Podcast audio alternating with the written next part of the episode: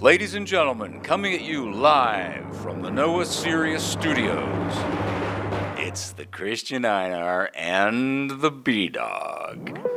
And you're listening to The Pit.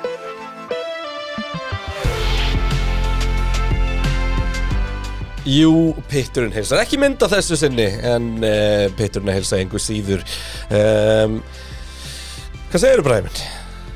Ég er dásamlegur, ég þurfti ekki að setja mig make-up í morgun og, og dásamlegið eins og í, í uh, pitnum í síðustu vikun á pitturum.is Heldur betur. Og pitturum á morgun. Já, við ætlum að henda pitturum.is. inn uh, öðrum þætti í mynd. Við tókum upp tvo uh, saman, svona fyrsta hafa við pössum okkur bara fötin varum hrein. Við förum í kvöld og tökum upp. Tökum akkurat, akkurat. Þetta var alls ekki tekið hlifið hlið í, stúdíónu meðan það var búin að setja þig. Ekki vera með svoleiðis rangkvömyndir Nei. En það var gaman að því, sko. Um brautaþáttin sko. Já, það sést í síðasta þætti inn á pitturum.is Þá vorum við að búa til The Icelandic Grand Prix. Ha. Og uh, það var líf og fjör. Uh, Sérst götubrautir, nokkrar í Reykjavík og svo á Akureyri líka Og svona pæla, þú veist, ef það er smíðu kapasinsbraut, hvað er best að gera það og allt þetta?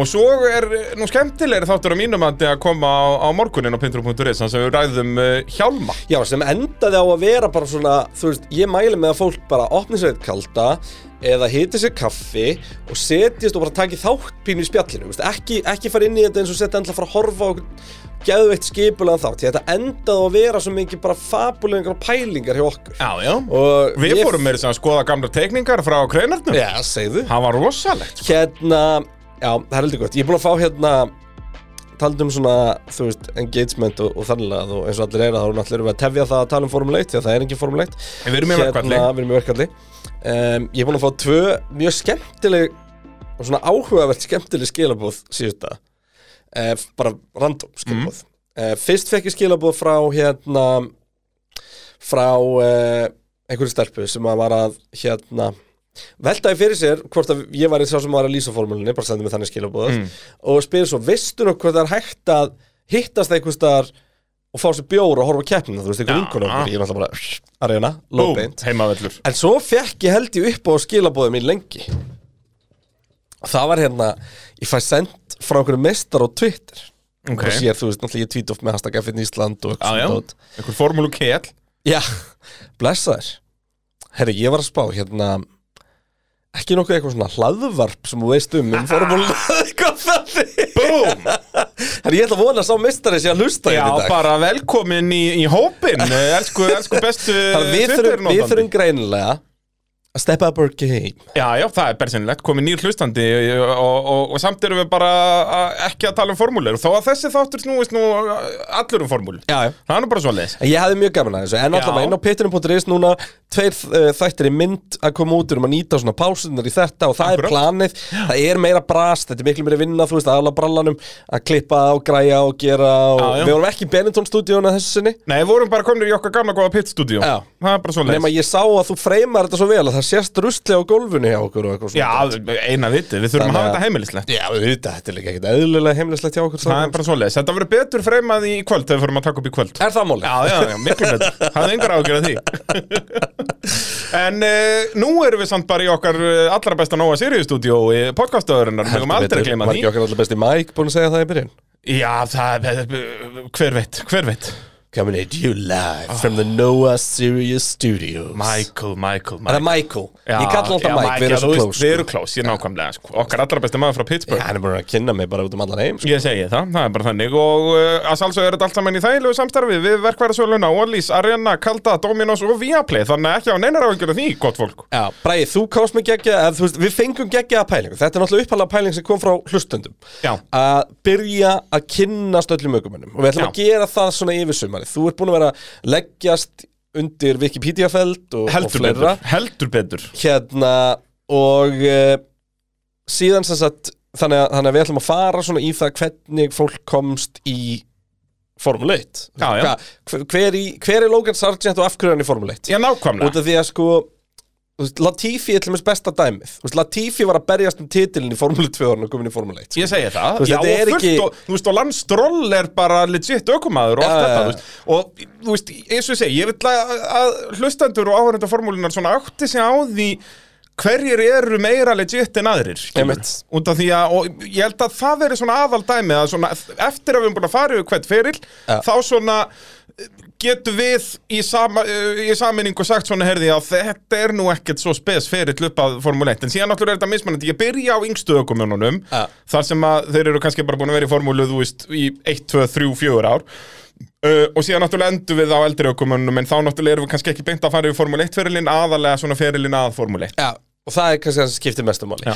Því að svo fá þeir kannski grandiosa söguhotni eða eiga að skilja einhvern tíma Nákvæmlega sko. Hérna ó, bara ég lendi svo fyndnu í gær sko. Eða þú veist, þetta er auðvitað leiðileg saga leiðilegu maður sem leiðilega endum, sögu. endum uh, endilega, ég, elska ég, tók, eðlilega- ég tók besta dæmið um það hvað það er að vera með ADHD í gerkvöldi sögu. Ó já. Ég laðist upp í rúm. Mm. klukkan svona, við vorum í Game TV eða eitthvað til og vorum óin lengi en leggast upp í rúm rúmlega 12 bara. Já. Ligg upp í rúmi og allt í einu svona hmm, hvernig allir farþegarýmið hefur litið út í Concord Já, Ég fór svo klukkan þrjú búin að lesa með allt um Concord Le og, já bara lesa þið, ekki horfa á og YouTube líka vídeós. bara Já. allt skilur við bara, Það er- það er the modern day of Ég segi það, það er að kynna sér eitthvað, það er að horfa á Þannig YouTube að hérna Þannig að þú ert með Concordið á hreinu Já, þetta er mjög áhugavert sko. Já, ég get Og trúað því. þetta er náttúrulega spinnað út í bara Þú er Supersonic Flight bara yfir Já, höfuð Og mér varst aðalega gaman að skoða hérna Hvernig, hvernig vélin er að hittna og mismunandi sérst, hittastegum Við svo á svona svæði í vélinni sem að sem sagt, uh, í síðasta fluginu þeir sem voru að fljúa Já. tróðu allir svona minningum inni því að hún þennst og mingar Er það og það er bara alveg svoleiðis? 10 cm gap sem myndast. Það er enda mega það er, það er mjög áhugavert Það er bara út af, málmurinn er bara að færast út af hittabreitingum bara. og svo líka ógslag áhugavert með nefið Já. Veistu af hverju það var? Nei, af hverju það er svona niður Já, eða svona, það já. er ekki niður, sérst, þetta er, Það þetta er er level í mekanist flug Nú, það er Já, svoleiðis. Já, það, vissi það, var bara út af því að flugmyndinni sá ekki neitt þegar voru að lenda. Já. Því að hún þarf að lenda svo ógeðslega bratt. En er þetta þá, já, þannig að það er Það er þeim og er bara að halla cockpitið niður Það er allt ekki sem er ímyndað sér að lenda Og þú halla fram og, Og bara allt í einu er svona bara- "Ö, Jörð.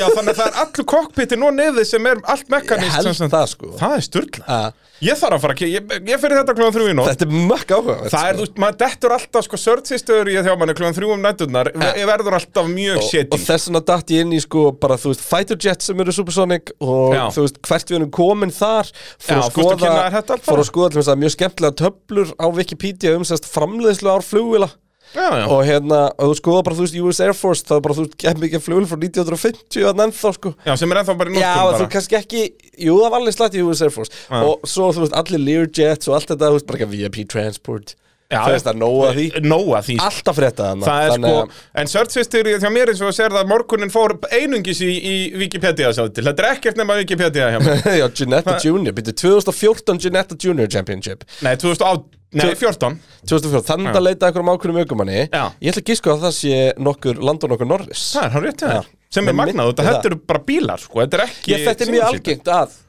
þetta sé Já. keirt með Ekki allavega af þessum fimm sem við ætlum að fjalla um í dag. Nei. Þá var land og einni í þessu. Áður en við fyrir í þá, þá Já. þarf- það var ein frétt sem við þurfum að kofra Það er Herðu, ekki já, búið að síðan vera þurfum við að henda í sjátat okkar allar vest að Hjálmar Jón Pétursson, a goddamn legend. Hjálmar Jón Pétursson. Já, það er bara, ég, ég fæ endalaust að myndum og vídeoum sendt frá þessum meisturum hann að syngja pittslægið og ég veit ekki hvað, hvað þetta já, alvöru naglar. alvöru meistari. Alvöru meistari. Hérna, HJP uh, Heyrðu, já, ég glemdi að Hello reyna að finna- Juan Pablo.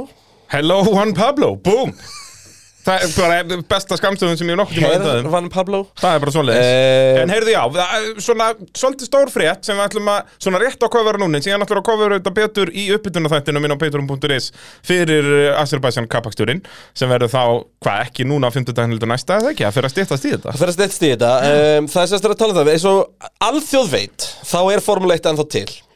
Já, veist, Er ekki eitthvað búin að gleyma því? Örglega Og uh, næsta keppn Afsakið mig Og næsta rugli hérna. Næsta keppniselgi er í uh, Baku Í Azerbaijan, í því stórfína landi Mm. Sem er ekkit í stríði við nákvæmna sinna eða neitt þannig lað Nei, nei, og ekki í neinu stríði, bara eins og, og Amerikanarnir Já, þetta er sennilega með eitt besta svona living standard í heiminum já, já, já. Ég hérna, hefur séð vídeo þegar ég fara út fyrir Baku eða? Já, ég horfði á bara Grand Tour þáttin Þetta er svo fucking fyndið land, sko. Já, ég horfði á hérna mástu vinn minn hérna Baldur Bankrupt. Já. Þú veit ekki ennþá bara dettin í hann. Nei, ég er ekki búin að Þú þetta verðið, þú, mu- þú munt elska þetta sko. Já, ég þetta er svona þetta. bralli sem talar rústnesku og er bara eitthvað að dandalast í Sovjetríkjunum Já, já, á, á, á svona ómerkilegum stöðum sem eru merkilegum Já, enda kannski bara allt í henni fullur með sex babúskum eitthvað það var hella sko. Þú varst bara með Baku og bara The City. Lights og Skyscraper og okkur dót Svo bara kerður í, þú veist, halva mínútu og þú varst bara komin í eitthvað, þú veist, moldar Bara flag Gypsyland eða bara. Gypsyland, nákvæmlega Og hérna, allavega um, En þessa helgina í Baku fer fram uh, sprett kemniselgi Og eins og Stefán og Dominikali kom nú inn á hérna fyrir á árinu uh, með æfingar og annað slíkt og þær væri bara fyrir aumingja. Og uh, að við þyrftum ekkert að að halda lengur Og flestir okkur minn tóku nú bara undir það? Flestur, já, ég minna, það, já, við erum bara búin að sjá það sem ég finnst því ég náttúrulega kem ekki á tíma þar sem ég veist, það, það er þróun orðið það mikil að þú veist, Formule 1 ökumar á sama tíma og ég er að kemur 2008 gat ekki bara gert hermi og hoppa svo við bíl og gert það sama. Hermirinn var meira þá bara eins og tölvuleikur, sko. Já, þú veist, þeir voru þarna og það var Já, alveg æfingi í því og eitthvað annað slíkt en djövill er búið í fælindagreinlega Allavega um, Það er sérst verið að tala um það að breyta þessu sprett formati. Og eins og við þekkjum í dag þá er FP1 á fösti og svo eru tímatökur. Þess síðan kemur eh, þessar tímatökur stilla upp í sprettkernina næst er FP2 á lögati gjössamlega useless session. Að allir eru búinir í pakkfermi og út af tímatökunum og allt Akkurat. þetta Þannig að þú veist, þú að ert að þá er- gæfa þig fyrir neitt. Nei, þannig að þá er farið í sprettkernina og hún raðar upp í aðalkapasturinn Og það er sunnudagurinn er á bara, bara kapastur.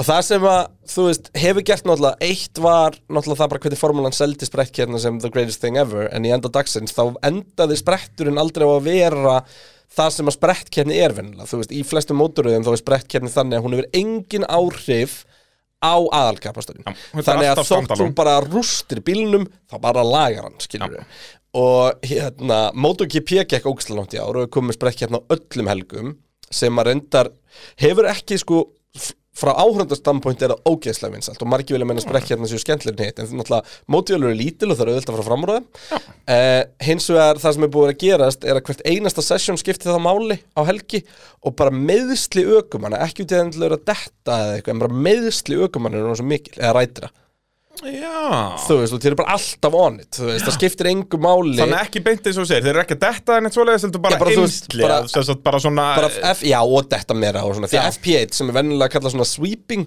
og því að brautin er bara svo skítu og eitthvað Já, þú þeir eru bara svona þá lunda þurfa sig. að bara verið í tímatökum Ég skilurðu, skil þig, ég þú skil veist. þig. Þannig að Já, hérna er áhugavert. Þannig að það er svona, þetta er svolítið þetta er svolítið áhugavert. Um, Og svo náttúrulega eins og í Formúlu 2 þekkjum við þetta, það, þetta hefur verið þannig bara Já, og þar er Formúlu 2 þetta bara, og ástæðan fyrir þetta í Formule 2 er einföld. Við erum múin að flytja hérna fullt á ungum ökumunum á brautinu og setja allt upp Mhm. og landa við að keppa tvisvar. Jep. Þú veist, það er meira konceptið, það eru bara tvær mismundir að keppni. Eins sem er bara, þú veist, engin dekk, ekki neitt Bara áfram gakk, fulla ferð og kerti loka. Og með reverse grid, sem sagt top 10 reverse, sem að ég top fíla 10 reverse. Það nefnilega málið og Og það, bara ein tímataka skilur, þá er tímataka á föstu degi Og síðan er top 10 reversað í, í spretnum Já. Og 15 Og steg fyrsta spretturinn hefur ekkert að gera með, með aðalkeppnina. og svo bara fyrir við aðalkeppnina með réttu griti.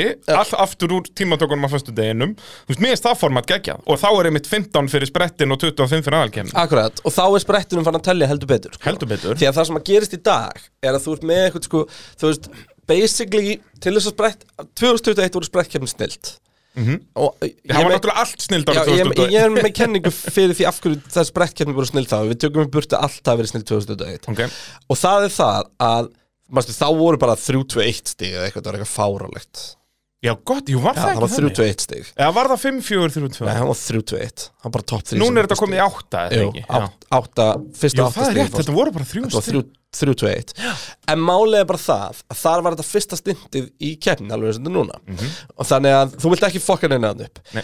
og hvað gerist til dæmis í leiðinleiri keppni? Tökum hérna Jetta í ár. Um, eftir 40 ringið, það eru 15 ringir eftir ekki manni konum löng að þá hérna er keppnin þú veist búin.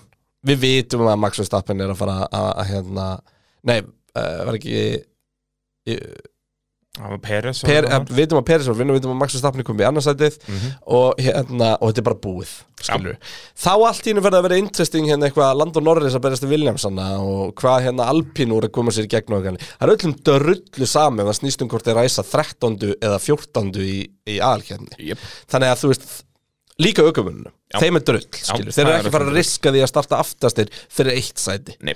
þannig að bara Ekki- það ekki eitt. ef það sæti er 13 Já, ef það verið stigibúið þá var það annað sko. En þannig að bara það eitt að, að sprekkjarnin sé veist, hafið svona lítið vægi per se. Þú veist, það bara gerir ekkert, skilur Nei. Jú, það, þú veist, eina sem þetta hefur hérna gert er að einhver sem að fokka upp tímatökum, þú veist, Tjekko í, í Ástralju, hann hefði klára annar eða verið sprekkjarni því hann hefði bara haft fyrstu 20 ríkjum að koma svo upp, fengið svo annar start. Já. Þú veist, bara Já, bara hérna, Hann fékk þetta Brasilíu og allt þetta, Já. bara nýta sér sprettin að vinna upp, Akkurat veist, á hvað mörg sæti? en, en punkturinn minn er bara að þú veist, til þess að spretturinn verði einhvern tímann sprettkeppni þá má hún ekki hafa áhrif á aðalkeppnina Jep. Út Og- annars er þetta eins og segir, alltaf bara fyrsta stintið af keppninni. og þess vegna vil ég fara aftur í þessa pælingu sem ég var með, þar sem FP1 er 90 myndur Mm Og bara tímatöku og, sesjón. og, það- og bara síðustu 20 myndur af því eða eitthvað eru tímatökusessjón eða bara allt er tímatökusessjón þá er kannski bara klukktími ástæðan fyrir að segja 90 myndur er að þá fá þeir að gera ná þeir að gera reis, nei, þið þurfa þess ekki, getur notað FP2 eða það þá. Alltaf, já, segjum að sé bara klukktími það er, bara, það er FP1 og það raðar upp gritti fyrir sprettin. Og þar finnst mér bara ekkert galið að það sé reverse grid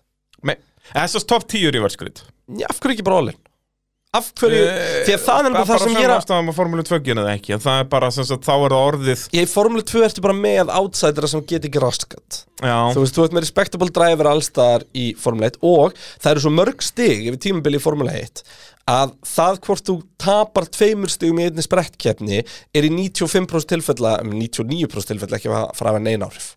Þú veist, hversu oft fer titillin á einu stigi, skilur við já, já. og en og ástæðan fyrir þessi reverse grid og ég vil að séu stig allavega fyrir top 10 er að Hafið Þá- bara sama stöð ekki á Formule 2? Bara 15, Já, til 10, dæmis, 8 að þá er þetta líka að fara að skipta máli fyrir litlu liðin. Já. þú veist, eitthvað lítið lið, þú veist, við erum hérna með við erum með Alfa Romeo, við erum með Bottas hann ræsir fjórði. Að halda sér inn í topp 10, skiljum við þú veist, þá er orðið svo mikið battle þar, sko. Algjörlega, pælti Þannig að- Mónaco þarna, hann verður alveg veisla. nei, manstu hvað Alonso kerði hægt? Já, Ricardo.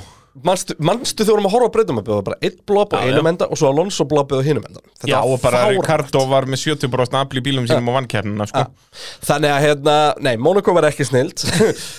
Sannlega bara út eini af- staðari sem viljum ekki spara keppni. Jú, bara út af þessu, að, að, hérna, þá bara myndi, þú veist, Guan Yu Zhou vinna. En ég að við komin að þá sko En ég vil rífa sprettkeppna alveg frá er ég, er ég búin að segja hvernig nýja formandi er? Nei, nei, við erum ennþá að tala um gamla. Já, ok, þannig, og ég er búin að segja hvað mína pælingur Já. er Nýja formandi sem við erum að leggja til Er sem sagt, um, hérna FP1 Tímatökur mm Og þær tímatökur ræði upp í sprettin Nei, þær tímatökur aðeins í Já, fyrir ekki, þær tímatökur ræði upp í keppna Og svo er eitthvað sem heitir Sprint Day Já. sem að er sem sagt sprett tímatökur og sprett keppni Já. og svo kappastur Já.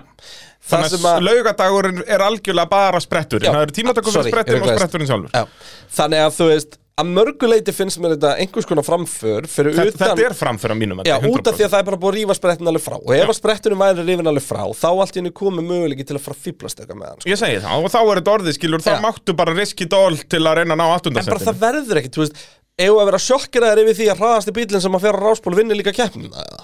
Nei, alls ekki. Þú veist, þannig að þú veist, mögulega þurfum við líka bara, bara íhuga það bara, þú veist, er eðlilegt að bara þessu sé alltaf raða upp eftir því hver er hraðastur Þú Já, veist, þú veist, er það ég- bara, er það gott TV, skil Ég vil 100% bara fara í nákvæmlega sama race weekend format á Formula 2. Já, nema ég vil fá full reverse Já, já, já, eða full grid. Út af því að það eru... ég, ég held að tím, ég held nefnilega að þegar við komum inn í Bakú þá var þetta ógæðislega rugglingslegt því að þá eru við á föstudeginum bara herjá, þessa tímatökur, þær gilda ekki á morgun heldur hinn, en Já. á morgun eru aðra tímatökur sem gilda svo fyrir keppna sem er þó setnipartin, Já. sem að gefa bara stig en svo fyrir við aftur í grittið sem var sett í fyrstu tímatökunum þú veist Og þá er allir löngu búin að gleyma því og eitthvað bara- og hvað eru park fyrir meira reglunar?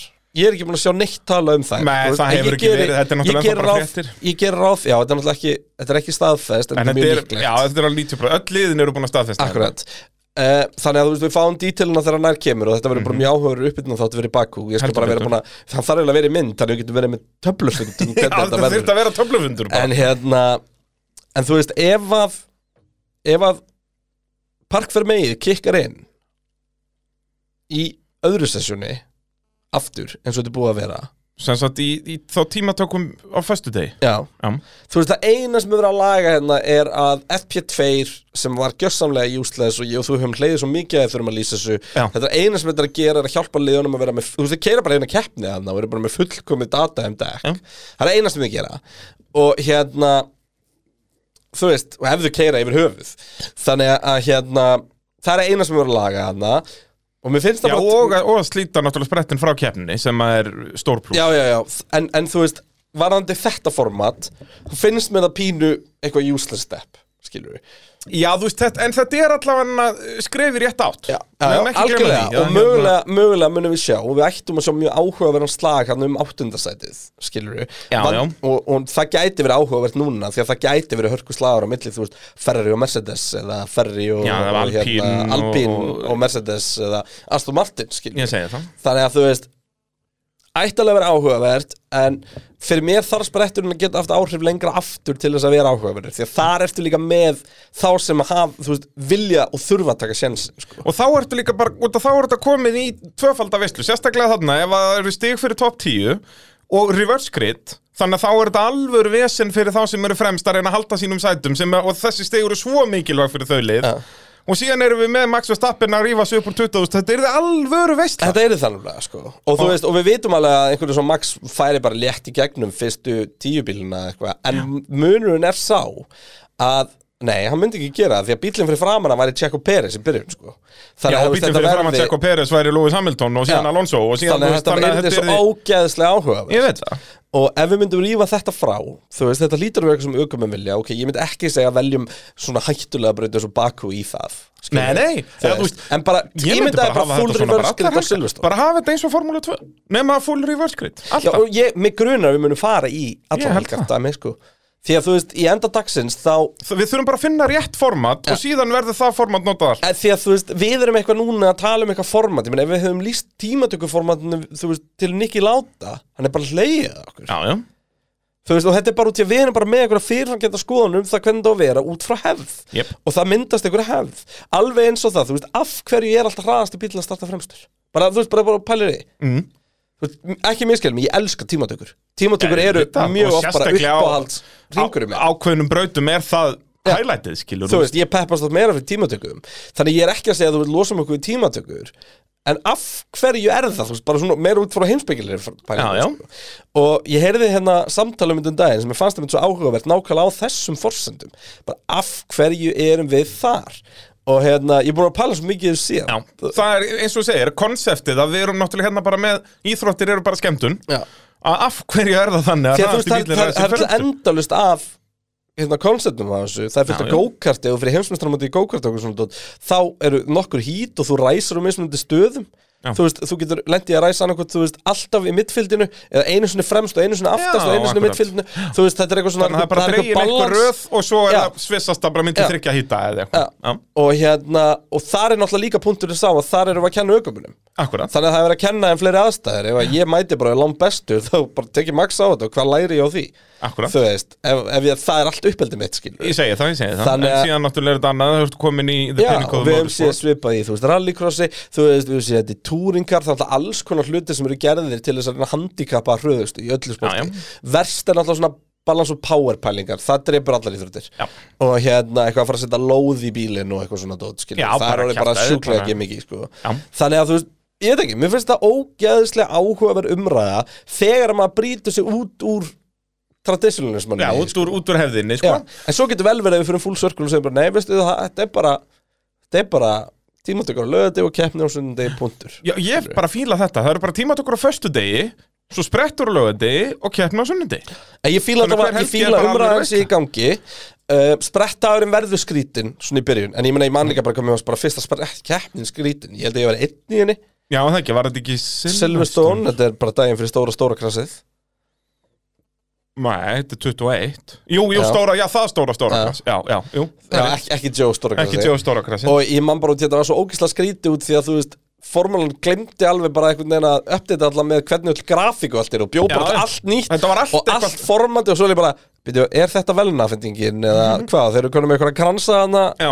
þú veist, við bara lærið í Ó, dag Ég fíla að kransarnir kom aftur í sprett Ég elska góðan krans en var það ekki bara á sölust Ég held það Kom það nokkuð aftur? En ég vil að það sé þannig að í, í síðan spretnum komið fáum við kransinn. medalir einhvern Já. svona boring ass Þú veist, hérna, bara eitthvað hvort það var Já, crypto.com þetta var sponsor glatað, sko. eitthvað En kransinn, þetta er svo gegn, þú veist, bara ég man bara eftir Francis Sever, Severt og. Jackie Stewart og eitthvað allir með krans Já, já. sem var jafn stórir og þeir sko. og smellu. Allt og gott dæmi sko. ég myndi að Júkis og Nóta með svona krans sem myndi ná honum nýjum hnið það var bara svo eitthvað frumskúr þetta verið veistla sko. þannig að ég vil kransinn aftur. Það er bara svona leiðis en já, þetta verður svona ja, 90% lítið um líkur á að stíkur, við staðfestum svona þetta er áfram kemur en þetta er auðvitað umræða ég held að við ættum að taka þessa keppni upplifa þetta format Mhm. og taka þessu umræðan aftur. En ég ætla að ætla að hætta að vera pjúrist og ég ætla að styðja ef að formúla vill prófa eitthvað wild Já, ég er bara algjörlega á því núna að uh, þetta format er það sem koma skal nema reverse grid í sprett. Sest, sleppa þessari auka tímatöku það er bara líka výrt að hafa tvær tímatökur röð. Mér finnst það skrýknast í þessu. Það verður vel enkilegt, við verðum hann ofur peppar á föstudagskvöldi, að setna part á föstudegi að að lýsa tímatökum, svo mætum við lögatarsmótni og förum að lýsa tímatökum. Já, Þetta er bara vitleysa. Þetta er það sko. Þannig að eins og ég segi, það er eina sem ég myndi breyta við þetta format. Það En hafi svo- þetta bara nær eh, hérna Formúlu 2 Já, og jafnvel þá bara að láta sessionin öll gildi eitthvað Þannig að þú fáið bara stig í Já, þá bara, bara sleppa öðru sessjón að lögati það sé bara sprettur.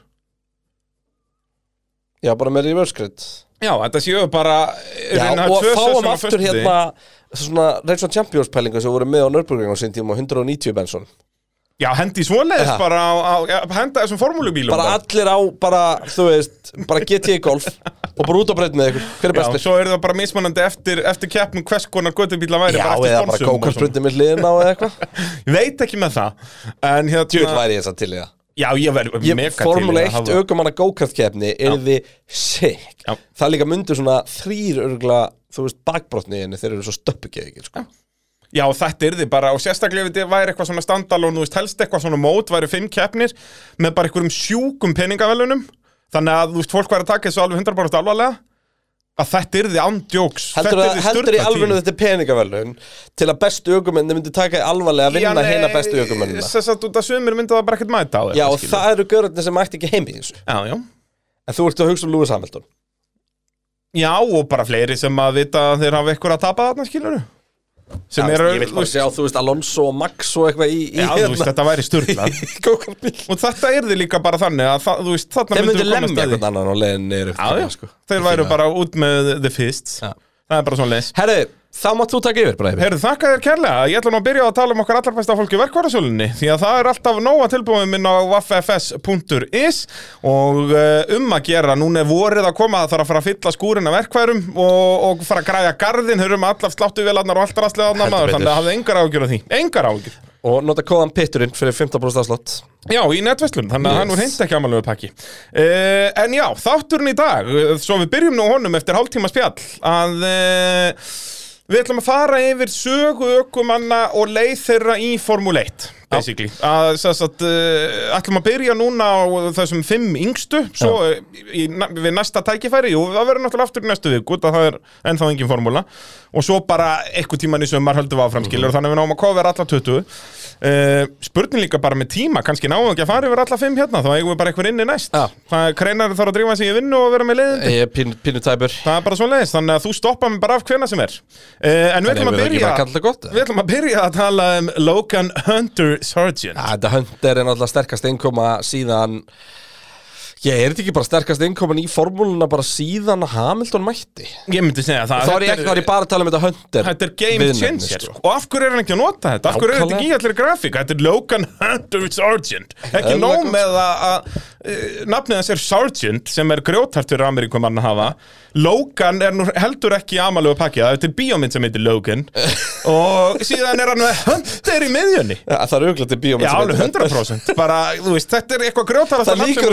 Já, sem alveg heitir Hunter. 100% Bara, þú veist, þetta er eitthvað grjótart Það líkur auðvitað til bíómynd bíómynd sem heitir Sergeant Já, bara 100% Æ, þetta- Það- þessi gæi er bara made- hafði öll þessi nöfn Þessi, Þetta þessi hljóta að vera gæi bíómynd er bara búinn til fyrir Hollywood Já. Sko Logan, hvaða mynd á það aftur? Það er X-Men myndi nýjasta Já, já, já, þarna, já, já. Síðasta með Wolverine Ok. Hún heitir bara Logan Svo er hérna Hunter Já. Þú veist, það er til Hunter x Hunter það, veist jú. Hunter var TV-series Svo er náttúrulega Hunter Killer Já, já, og já. eitthvað Ætli það sé ekki bara til Hunter Sergeant Eða Sergeant Hunter En, en er ekki örglega til eitthvað Sergeant líka? Herri, það er til einina sem heitir The Hunter með Steve McQueen. Ú, heyrðu, hann nú kappast þessu komaður þar Það er ekkert eðlilega mikið til. Uh, The Hunter með William Defoe. Heyrðu, The Sergeant frá 1968 er bíómynd, búm. Þannig að það eru til bíómyndir af þessu öllu saman. Sergeant. Ég ætla að prófa að leita því Það er sko, The Sergeant er með uh, Rod Steiger, uh, John Philip Law, þetta eru grjótarnöfn Já, þetta er bara Þannig að hann, það vantar ekki upp á nafnið hjá okkar Já, allar bestamanni uh, Hann er nýjórinn 22 ára, átti afmæli á gamlástag, hann afmæli 31. Já, þetta er svona hérna Tork Tork, nei það er fyrsti. Já, það er Tork Og Twist, uh, hérna. Tork, tork og Twist, nei það er annar, það er vörutalningadagurinn Það er vörut Já, það er Jón Gnarr sko Já, já, já. Það er allar veslanir hagkvæpari lokar í dag vegna vörutalningar Þannig ég fekk bara bensínstöðvar drast Fekk svona korkubíla Og og bóntvistur kemur Allt á gott dæmi. Uh, en uh, já, er fættur á gamlástag ekki samt sko klukkan uh, 0000 ég, móði mín fættist 0000 vissur það? Aha, Þannig að amma fekk að ráða hvort hún væri sko 11. eða 12. des ok. Og valdi 12. des. Uh, en uh, okkar allar besti Hunters uh, er fættur í Flórida uh, moldrykir foreldrar. Sérstaklega afinn, hann stopnaði eitthvað olíufyrirtæki eða svona olíuflutningsfyrirtæki og var, þú veist, aðal klæjendin var ameríski herin Það er þægilegt. Það er helvítið þægilegt, þannig að Írakstrið og allt gerði þá bara að miljardamæringum Þannig þannig að af hans og síðan sérst frændan, sérst bróðir pappans tekur við Saddam þessum business. þakka að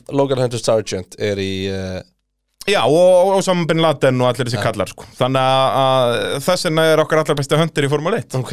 Uh, Og eins og ég segi, frændan stekur við þessum business og er bara búin að vera að dæla peningum hvaða- í, í krakkan Hvaða grín er þetta? Ég er að skoða næstu línu Já, bróðir hans, Dalton Sargent. Það er 100% bíómynd sem þetta er Dalton. Já, bara, Dalton bræðir minn maður, það er lukkulangi Það, þú veist, þessi foreldrar kunna alveg að gefa krokkunum nafn. Þurfum ekki á nokkar að up því. for success. Þannig að Dalton Sargent, hann er búin að keppa nokkrar keppnir í NASCAR, svona Truck Series. Ah. Þannig að það er kappakstus á því Nei, hann keppti Ekki, bara ekki nokkrar keppnir náttúrulega við vitum hvað hann er allavega Nei, og þú veist, hann hefur ekki keppt full season, skilur, hann Já. tók bara nokkra keppnir, en er búin að vera í, í svona þessu, hérna, oval series dæmi í bandaríkjónum uh, töluverðan tíma.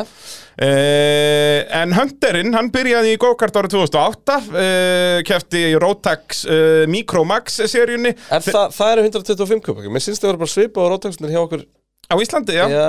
Þetta eru bara, já, mjög Hvað svipaðir, hva aðeins árið hann fættur eftir?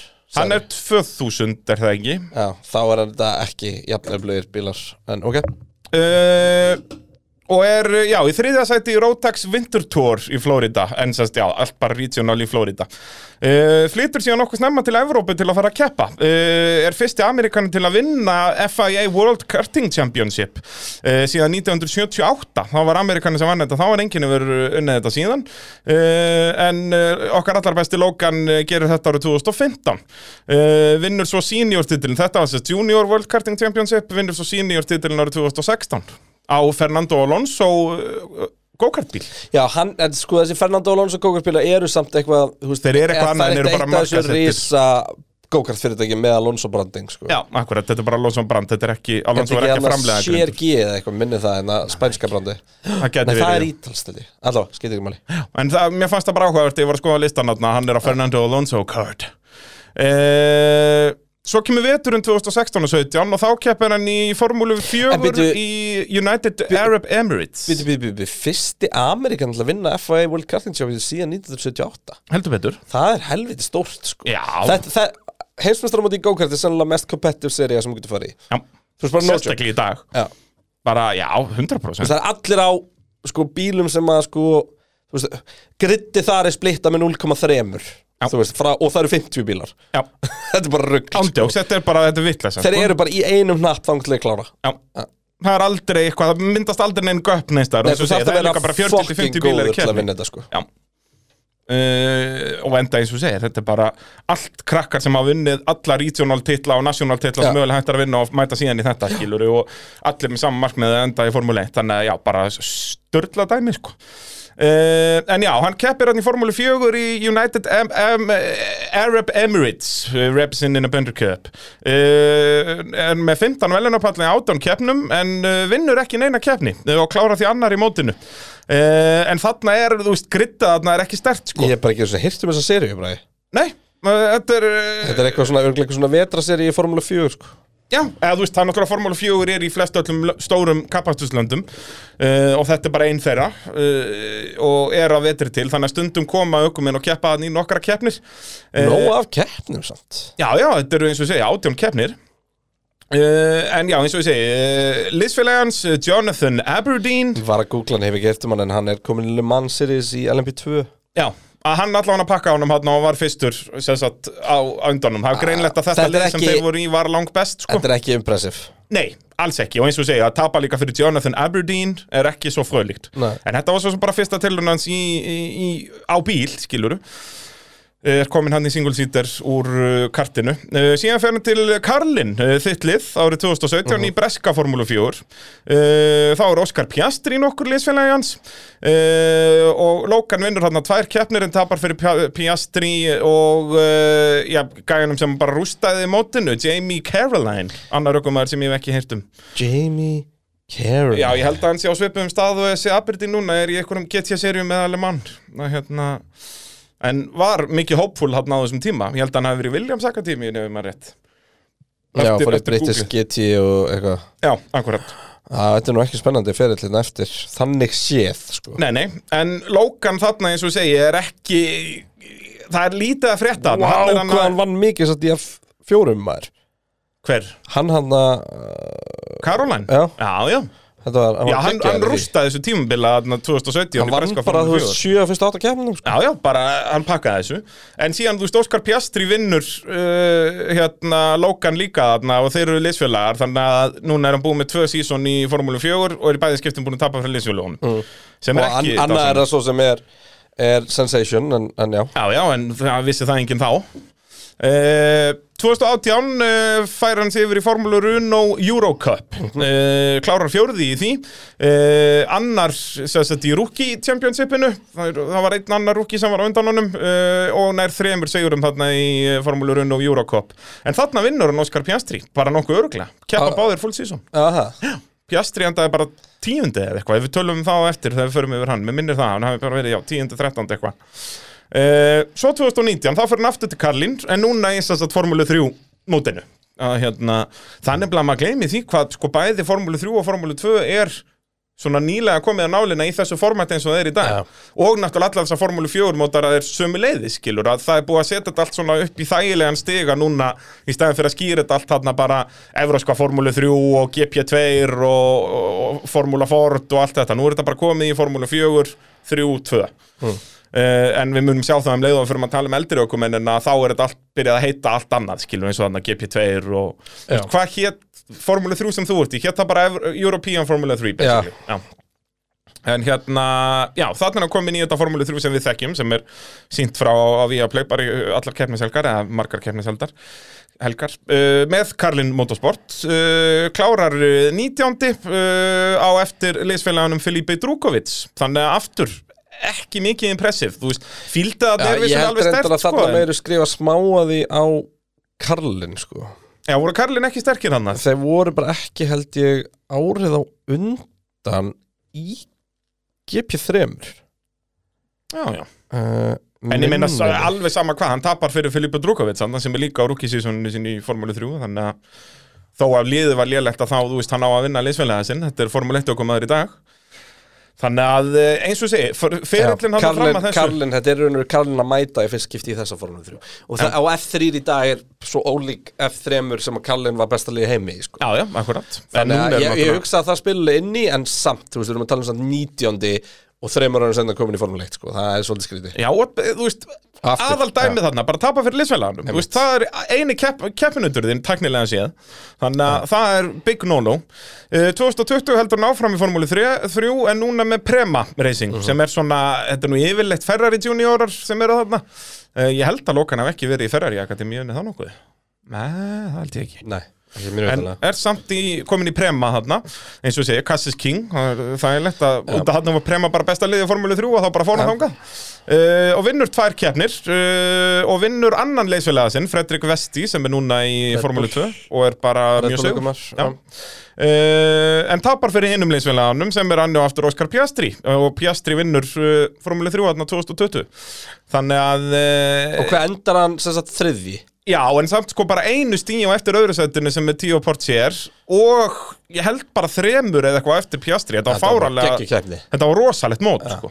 þannig að þannig er hann alveg að stempla sinn en vissulega á náttúrulega öðru sísoninu sínu í Formúlu 3 og tæknilega, þú veist, Formúlu Run og Eurocup er Átt svipað. aldrei að vinna á fyrsta sísonu Formule 3 Þú veist, Nei, nei, að alls vera ekki, já, það er bara- Bæði það bara- að vera tiltölulega slaft og, þú að vera ekki styrla bara þú þurftir að vera Óskar Piastri eða Landon Norris eða einhvern svo leiðis Ja. Þegar líka, þú veist, þetta er yfirleitt frekar mikið rapid fire í byrjun, sko. Að þetta þú er veist- náttúrulega bara svolítið mikið meira kaos heldur en við þekkjum í Formule 1 skiluru þannig að ég er ekki þessi goggunaröð skiluru þó að sé alltaf eitthvað, en þetta er miklu meira vilt. Þannig að maður þarf stundum líka að vera réttum ári réttum stað Jep, e, 2021, þá uh, ótrúlega satt áttu þeir ekki pening til að fara í Formule 2 hvað var, Ólíu verið eitthvað látt þá? Eða? það er eitthvað svo leiðis að frændi gæti ekki gefið nú mikið sko, ég held að það sé afi sem að bjóð til þetta fyrirtæki er dáinn sko, en frændin er, er búin að taka við þessu. Þannig að að það var eitthvað, eitthvað, eitthvað vesend þannig að hann heldur áfram í Formule 3 og núna með Charu Racing sem að ég hef nú bara aldrei heyrt um. Já, Nú er það, þú þekkir þetta. Nú já. Uh, En uh, nær bara einum sigri. Þe- Þetta liðir ekki nálega að gott og prema skilur Þannig að þetta var ákveðið step down Og það voru svo mikið að reyna fókus á Formúlu 2 En ná síðan loksins uh, Formúlu 2 debutinu. Hann klára bara sjöundi þarna í Formúlu 3 uh, En mætir í, var það ekki Saudi Arabia, fyrsta keppn Og nær þar 16. og 14. seti Þannig að Já, nær allan að Formule 2 debutun og, og nær sæti á Karlin í Formule 2 árið 2022 og nær þar að þeim árangur að vera fyrsti Amerikani til að vinna Formule 2 keppni með sigri á Silveston Já, mér finnst alveg munið það að 2022 F2 fíldi var ekki gott. Nei, alls ekki. Hvað, það er Drúkovits mestari eða ekki? Jú, á Og- 12 ári Já, svona líku við. Uh, En hann vinnur rúki og þér Sérst er fremstur uh, allar nýliða í Formúlu 2 Hann Logan okkar klárar fjórði á eftir Drukovic, Portier og liðsfélagunum Liam Lawson. Þannig að jú, jú, ágættis nöfn hann sem hann tapar fyrir og hann er vissulega rúki en, en eins og ég segi og byrjar í Formúlu 1 þarna með Williams 2023 og Það er það er, rosalega mikið bara að lýsa fyrir mig einhverju ferla og einhverju sem mann Jú, ég hefði kannski alveg getað gert eitthvað. Já, þetta er akkurat þannig, þú veist, það er ekkert spennandi þarna, sko. Bara, eh, Williams bara vantaði píkar á ökumann. réttum tíma sem er á lélu F2 sísunni Já, algjörlega. Þú veist, hann er bara og er, þú veist, síðan sá við ökumenn eins og Óskar Piastri sem að er búin að vinna allt og alla og þarf samt að býði eitt ár skilur. Þú veist, uh, Sargent gerði þetta allt hárrétt út að þú veist, það getur vel verið að hann hafi farið annars í svona Formúlu 2 að þá hafði hann bara verið sjöndi þar og þá var þetta búið sko. Og svo er hann alveg búin respektabul núna í byrjun Já, já, bara, þá var rauninni bara Ástralía Þangað sem var, Ástralíu. ég segi það, fyrstu takkefnina lítur bara vel út og Ástralía skittar en, Við erum samt búin að sjá tvö rúkjuminsleiki á honum Það er annars vegar tímatökunar í Jeddah Já. Og svo bomba aftan á De Vries Yep. Og jú, jú, hann er vissulega rúki þannig að hann á nokkur svona mistök inni en má ekki halda það samfram Þannig að, jú, ekki mjög spennandi verðum við að segja, en það er svo sem við vissum það alveg með Logan Sertin, hann er hann út að hann er Amerikanni, það er hipp og cool, allir vilja, eh, eigendur formúluna vilja fá Amerikanaðnin og hann er með eh, oil money, þannig að uh, það er heppilegt. Uh, minnum að sjálfsög á að reyna það er heima öllu pitsins, það fer, að, fer að styttast, já við getum farið að mæta á að reyna og horfa á formúlu, en það er þetta bara að mæta að horfa á meistaradeldina og eitthvað. Já, í meðan, það er áttalega úrslit í gangi þar á, á Viaplay og allir í toppmálum.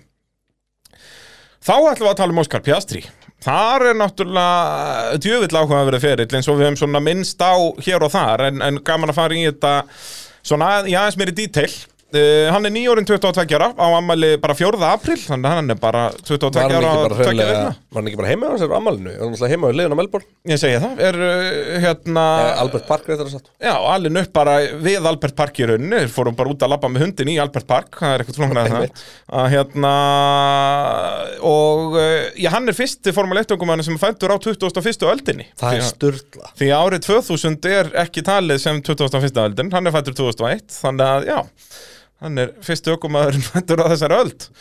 Uh, byrjar á fjastýrðum bílum, bara eins og Lewis Hamilton. Mér finnst þetta svo gæðvik starrið Ég heyrði þetta um dag, ég var að hlusta á hérna Beyond the Grid með honum Já, Og bara, þú veist um þetta. já, hann var ít á liðin svona eins og Hamilton því hann var eitthvað krakki sem var að pakka vilt að gömlu nördum Já, þetta er akkurat svona nördasport, sko. Svo kom bara einhver krakki að, að út af gömlu nördanir fíla það heldur ekki, út af það er allir að segja þeim allt þeirra lífa af hverju þetta leika er með einhver svona leikfung. Já, já, svo kemur eitthvað barn og leikur sem er leikfull Já, og leikur sem er leikfangi og vinnur þá, sko. Það, það verður sérstaklega ekki sáttir, sko. Hérna, mér finnst það bara svo áhugavert Því að þú veist, hann var ekkert á liðin og hann er ekki úr sko mótsport Það er, þú veist, pappans er eitthvað bílakall en ekki motorsport. Já, ég held að hann sé með eitthvað business í þessu. Held, jú, Jú, jú, um jú, hann er með vestaði Hann er með HP Tuners, maður. Ég tala um það hérna í, í þar næsta punkti. En, uh, já, og, og er geggjaður í, í þessum á Championship level er að vinna titla hérna í Ástralíu í þessu. Uh, Byrja síðan í go-kart 2011 Þannig að þá er hann orðin 10 ára uh, Og er ekkert spes í go-kart. Uh, Þú veist, er ekkert að vinna eitthvað fullt af einhverjum regional titlum eða national titlum eins og, eins og Sargent gerði til dæmis. Uh, Flyttur síðan til Englands árið 2016 uh, og er sjött í heimsmeistarmótinu það ári, er þá komið í heimsmeistarmótið í go-kart. Og nær sjötta setið þar sem að, eins og vorum að tala um á þenn er náttúrulega super competitive Hann talaði líka um það á einhverjum tímúti að þurfti hann bara að taka ákvörðin og þegar hann tók ákvörðin þá breyttist rosalega margt í Já. hans nálgun þegar það komið allur fókus á, á, á bílasporti uh, en já, er komin uh, fær náttúrulega fullt af, af pappapenningum hann til að komast í Formúlu 4 árið 2016 og það pappans er með þetta HP Tuner Ég hef séð þetta merki út um allt. Er það bara í kringum hann? Það er bara í kringum hann, þetta er bara, þú veist, þetta er basically, þetta er ekkert stórt tuningvæsta, eða þú veist, jú, ábygglega alveg stórt í Ástralíu, en þetta er ekkert eitthvað worldwide.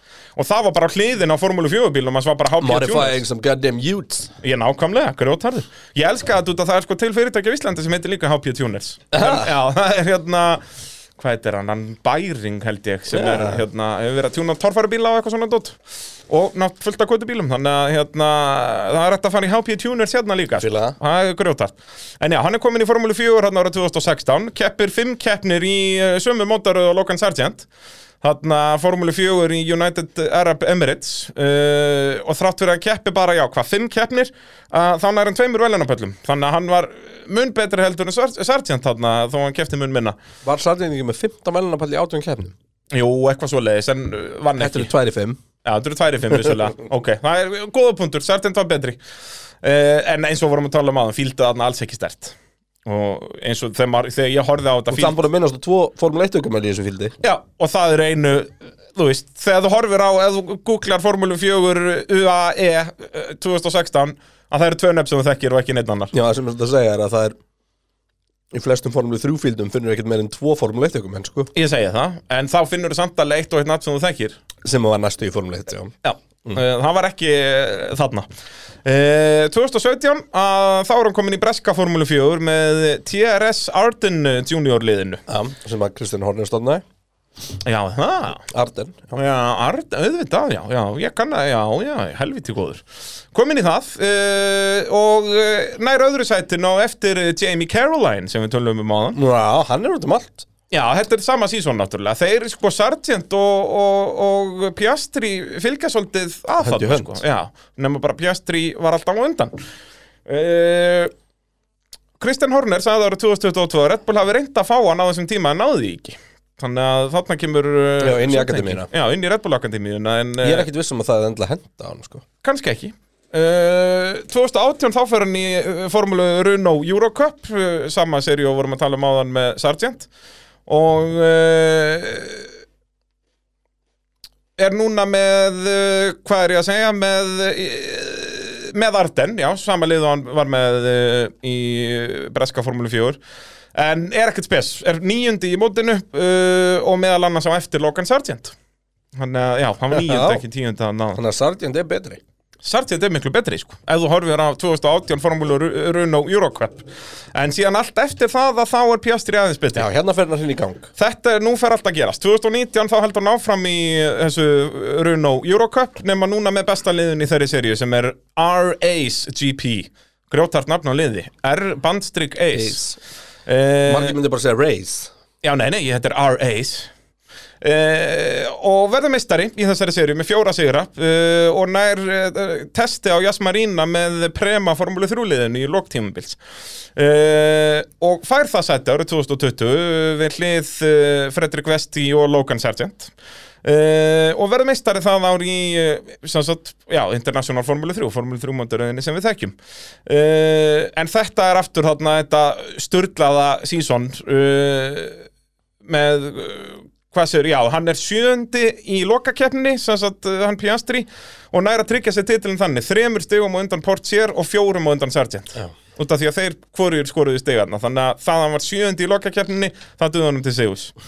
Þannig að, já, þetta var En byrju- alveg tæft sísón Já, Svo þetta, kemur- þetta er F3 Þetta er F3 Já, uh, og þá náttúrulega er bara uh, náttúrulega næsta skref að fara upp í Formúlu 2 og gera það með prema, þú veist, þetta er bara basic, ef að meðlimur í liðinu þínu verður meistari og þú ert með Formúlu 2 liða þá fer hann bara upp í Formúlu 2 uh, og heldur áfram, já, með, með prema, tekur sæti Mick Schumacher það árið, því að Schumacher verður meistari með þeim árið 2020 og er við hliður Robert Schwarzmann sem er þá búin að vera í þessu uh, hvað er ekki Schwarzmann Ferrari þá á akademíunni, jú. sko öðru eða þriðja ári í Formúlu 2 Það er bara öðru. Gæti Og hvað gerir Óskar Piastri? Hann verður meistari Já. á fyrsta ári sem rúki sem er Og mjög sko, við erum að tala um það að hann verið mestari 2020 með, í F3 Já. á Formule 1 kalendendum, þú veist, þú ert alltaf á Formule 1 kenniselgum og svo Jep. gerði hann sama í Formule 2 Þannig að auðvitað ætti hver einasti á brautinu verið búin að taka eftir honum og það var alveg raunin, þú veist, við vorum byrjar að tala um hann 21, skiluru og eins og sjá, verið síðan þessi formúlu raunumistari 2019, þannig að það er með þrjá titla þreymur árum. Uh, en gera þetta bara raungum tíma, því að það var ekkert pláss fyrir hann. Þannig er hann í Alpine Akademíunni uh, og ekkert pláss fyrir hann hjá Alpine, þannig að hann þarf að sitja hjá árið 2022 og svo náttúrulega fór skíturinn rækilega í viftuna. Uh, með öllu sem McLaren drama og allt þarna í mitt tímabili fyrra. Já. en síðan er hann, já, eins og við vitum komin í formúli núna með McLaren. Og þú veist, er ágætur, ég minna Norris er hraðari. En það ekki, En þá. En þá. Hann, uh, já, Já, Mér finnst hann helvitin allt honum. Að Ég held, sko, ég held að þetta verði ekki nógu mælistega á Norris og Piastri á þessu ári. Nú bara þetta bílinn verður það lélegur? Ég held bara Norris er búin að missa áhugan Já. Ég held bara að og þú veist, að meðan að Piastri er bara eins og við talaðum, Piastri er ennþá að gera bara, bara lang besta bíl sem hann hefur einhvern tímann gert. Mhm. þú veist. Já, já, og bara mega spennandi, formúli 1 og menna það hinn er, þú veist, það er búin að tala um hinn við gerum að allir aðri filmur að menn gera þú veist, öllum ræðin er bara, þú veist, já, ég meina Norris getur bara verið gæðin sem getur að taka slæja með Max, skilur algjörlega en hann færa það ekki, hann er að berjast við Logan Sargent Já. Já, og þú veist, ég held, þú veist, Norris er ábygglega núna ennþá alveg onnit, en ef að bílinn skánar ekkert yfir tímabilið, Já, núna þá, bara veist, strax núna ef uppfærslan kemur í bakku Já. ef hann batnar ekki það, þá held ég að þá hann sé bara búinn að svolítið á samning annars sko. staðar, sko. Já. Já, ég heldur líka bara svona andlega að það mun bara slökna á honum, þú veist, hann nennir ekki vera að berjast með 11. seti, sko. Þú veist, þetta slapp þegar hann var að pakka liðsfélaganum og ná einu og einu 5. seti, skiluru, Já. en ef að góða árangurinn er að ná 8. seti, að þá er hann fljótur að fara, sko. Uh, við erum að sjálfsögðu í þægilegu samstarfi við Ólís uh, ég fór í, í gamla góða bara pulsu með öllu Ólís á leðninga það var helviti gott, á, á lýsinu sko. maður, ég er ekki gamall og kalla Ólís bara Ólís er þú uh, gamall katt sem að kalla Ólís bara Ólís það er lýsið þetta er það er Youngbloods er að segja það Wow. uh, þannig um að gera skella sér á vinahópur.ólís.is og næla sér í Ólís leikilinn til að fá bensinnið ódýrara og uh, fullt af vörum og skemmtilegheitum hjá Ólís ódýrara sömu leiðis og nota kóðin Peturinn, við þekkjum þetta. Uh, þá er að Júkis og nota sem er næstur á dagskrá. Um, The Tornado. The Tornado maður... Ef hann væri Ef hann væri Þú veist, WWE guy mm. Myndu það ekki kalla eitthvað svona Tornado? Jú, Yuki Tornado Sonoda Já. Það verður rosalett Ég held að Það er bara nákvæmlega svo leis uh, Hann er alveg að vera 23 ára Verður 23 Það var ára alveg að 11. vera maí. stórstrákur. Já, verður En stóðstrákur ekki. uh, En áhugavert þarna Hann kemur ekki úr ríkari fjölskyldu eins og uh, fyrstu tvönefnin þarna Þó kannski Pjastri að kannski ekki alveg að kalla það rík En hann En fekk fullt bakking hann kom vel, þetta var vel fyrir ofan middelklass allavega Já, og þú veist, og pappans er að sponsa hann, skilur, þú veist, hann fær alvöru bakking Þetta er ekki, hann var ekki bókari eitthvað staðar og bara, þú veist, hann gætt nota fyrirtæki sitt Já. í að dæla peningum í hann, skilur Þannig en svo nota það er ekkert svo leis, það er bara middelklass og eitthvað svo leis En er motorsport tenging, sko, þetta pappans og afans og frændur hans voru allir svona mekkar Sérst bara í servisliðum hjá alveg stórum motorsportliðum og bara svona voru skrúar Þannig að hann, hann, hann sem sagt elst upp við það að fara reglu á brautir og Já, akkurat það. Að, að, hérna, í alls konar mismunandi serjum að þá voru alls konar skrúukallar eins og ég segi, bæði pappans og bræður pappans og allt þetta sko. Þannig að Ég fíla það. Já, það er grjótært sko, það voru ekki að keppa sjálfur voru öruglega eitthvað tímar að keppa eitthvað skiluru en uh, það er bullandi motorsport Þú vil uh, væri ég til í að stemning. fylgjast með Júkris og Nóta í einhverjum alvöru championship slag Já, Hann er þið svo stöppu vitlaus. Já, það- hann er svo mikið upp og niður að Ég, hann ég var hef rosa hellingur. gaman á hann Já, heldur betur. Hann Og það maður bjóst ekki við þessari hliða á hann Nei, þegar þú veist, maður bjóst bara við einhverjum geðveikt kurtisum, mjúkum Japana. Þú veist svona svipa og, og urluðust úr spennu þegar Max Verstappen var heimsmyndstara Suzuka eða fyrir Akkurat. Honda er mistarar, Japan. Allt frábært. Já, við hefum ekki verið með læti sko, Nei, nei, nei, nei, það komið kvöld líka. Já, komið kvöld, nákvæmlega, við þurfum að halda hæstunum okkar hérna. Uh, En já, hann byrjar í svona professional karting er búin að vera fýblast eitthvað á kokkartbíl og vantan eitthvað sem að pappan smíðaði bara fyrir hann eitthvað fyrir þetta, en byrjar í professional karting árið 2010 uh, í svona junior flokki, en það er bara 10 ára þá. Uh, fer upp í regional flokk árið 2013 og síðan national árið 2014 þetta er svona svipusaga og af uh, þessum fyrstu tveimur, það virðast allir byrja í þessu. Það virðast að gera, það byrja allir í go-kart á, á þessum levelum. Uh, 2016 að þá klárar hann Honda Racing School á Suzuka sem er eitthvað svona svaka prógram. Þetta er einhverja vikur held ég sko sem er bara verið að, já, að kenna fólk á kapphæstur basically. Ok, fíla. Það uh, og fær samning hjá Honda eftir þetta. Honda Formula Dream Project heitir það. Uh, og fær Not þá to be confused við, með jarðarbílnum sem hétt líka eitthvað Dream Já, ó, jarðarbílinn maður, wow, wow, wow, en fær þá tækifæri í japanska Formúlu 4 á Suzuka það árið, bara sérst í eina keppni og kláraði annar og fjórði á þeirri keppnishelgi. Þannig að þá fóru nú einhver ljósa kvikna að þarna væri nú einhver alveg aukumæður. Já, veitu, hann, hann tekur bara eina keppni Já. Sérst eina keppnishelgi basically, þetta er svona sprint og feature og Þessu cool að debut þetta sé á Suzuka. Að gegja eftir að vera í sko, Honda Racing School á Suzuka sko. og, og út af því að hann stóð sig eitthvað með stakkar príðin þar, Þetta þá fær hann ekki verið hennar full séns. circuit en það er einu svo Já, ekki að Formule 4 bílum, mann sko þetta hafa Formule 4 er svona, þú veist, þeir eru með vangi en það er ekkert mikið að frétta downforce þarna. Og já, eru bara svona minni útgafa Formule, þú veist, leikmaður myndi ekki sjá mikið mun á Formule 3 og Formule 4 bíl í dag Þeir eru svipaðir í útliti? Með svona halo og svona? Já, þess að finna eitthvað heilo eða stort á þeim Ég veit það, það er eini svona referensi til að sína að hann er miklu mi- minni en Formule 1 bíl er bara að sjá hvað haloið er risa risa stort út af því að það er í Ég var, ég, hluti af hérna Concord dæminu minn í gær var síðan ég fór eitthvað að skoða gömulega fettinvídeó og ég sá um hérna flugferðina hjá Ralf góðu Já, Tengdist ekki alveg beint inn í Concord en, en samt að Svipað uh, Hún, hann lendi líka svona á rassinum eins og kompartum En hérna, en ég var að spá Þú veist, ég tók eftir eitthvað svona hliðarskott Svona farið til vekkinu og bara djöfill er hann með stóra hjálm.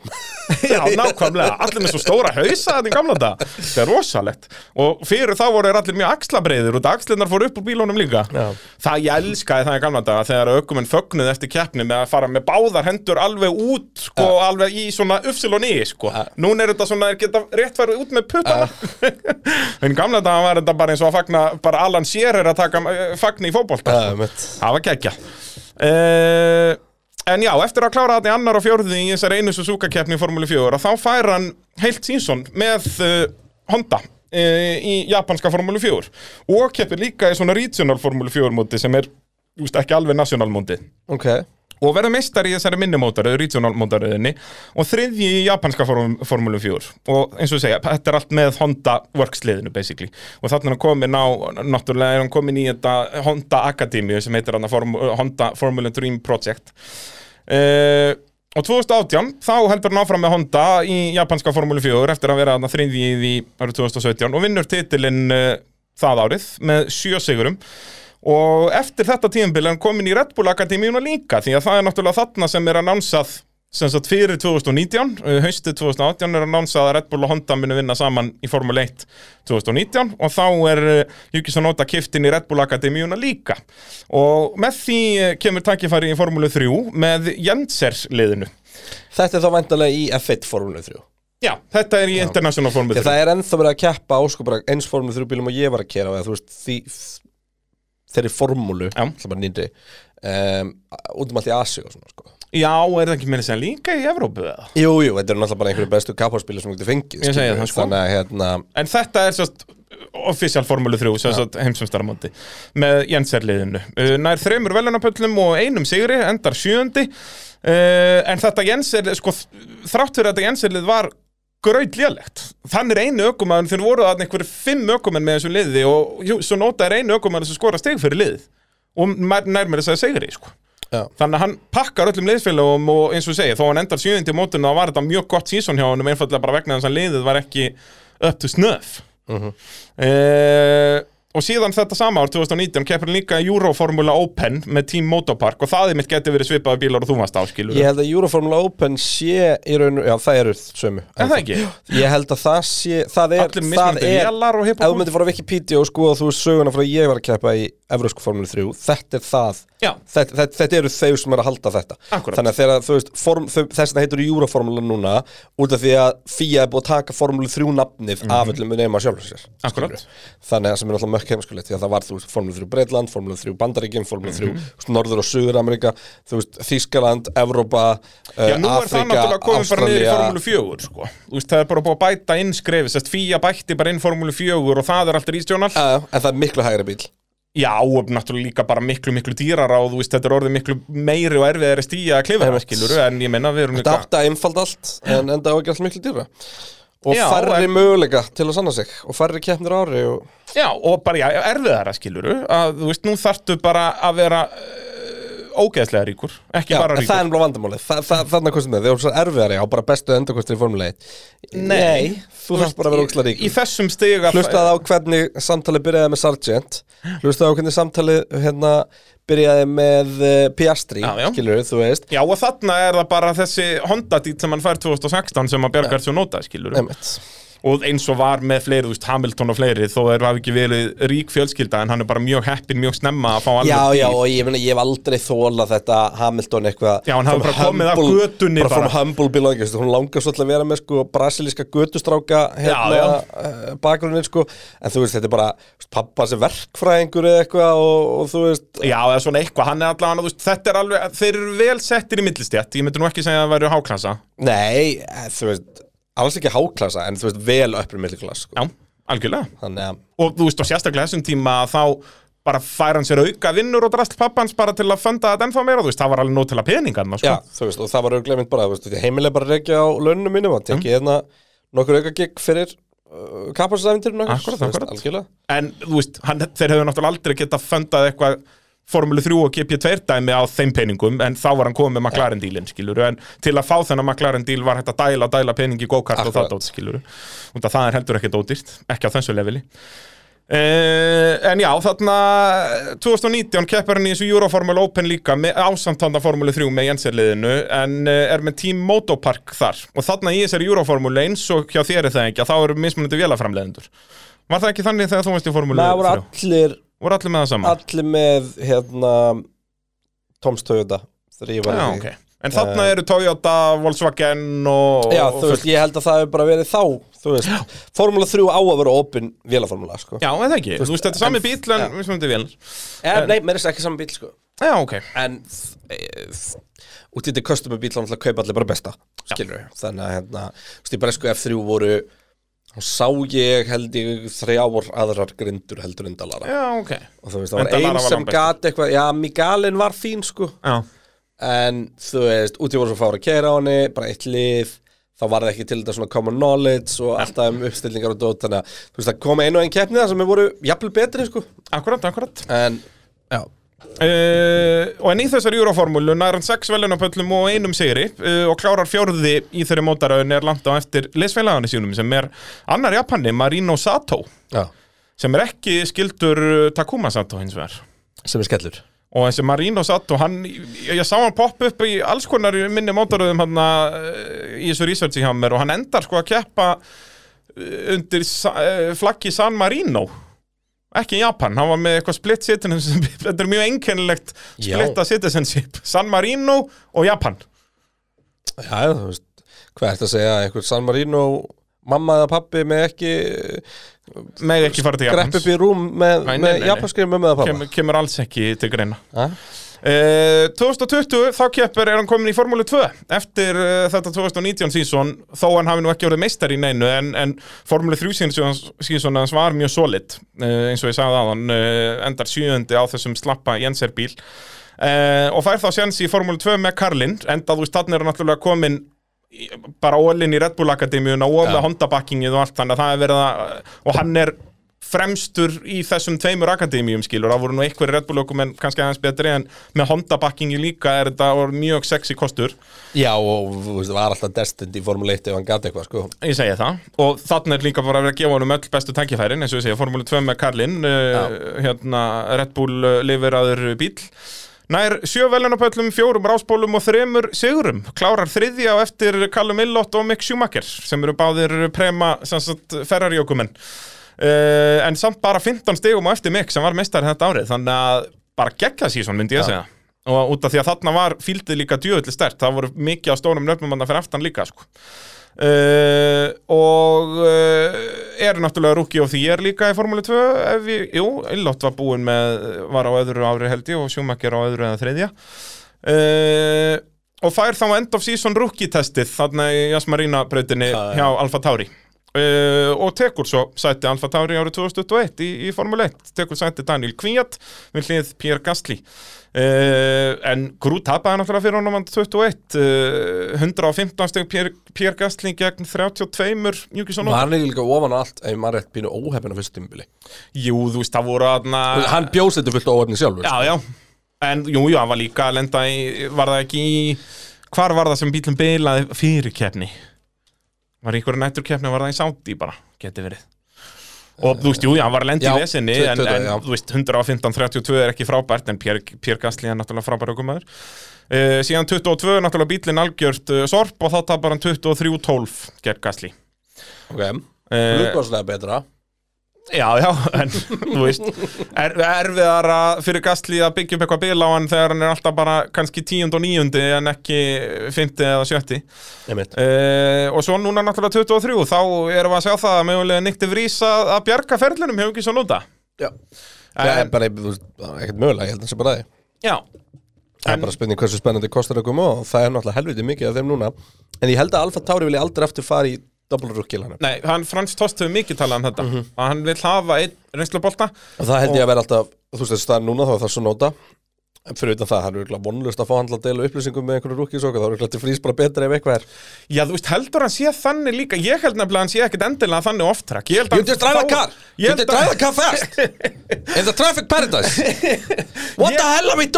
you just drive a car fast In the traffic paradise What the hell are we doing here? You just drive the car into the corner Þú hálfviti Nei, bara í alveg, þú veist. Nei, þú veist, ég held að hann sé ekki þannig. Ég held að hann verði bara svona stöppu geði ykkur í ákveðnum momentum með hjálminn og Já, svo er haustum alltaf bara svo friðin út af þess. Já, eða bara svona, þú veist, eins og hann er við, í viðtölum er hann bara mega næs, ungur strákur, skilur Alveg rétt. En, en það er spurning hvernig hann er uh, behind the scenes?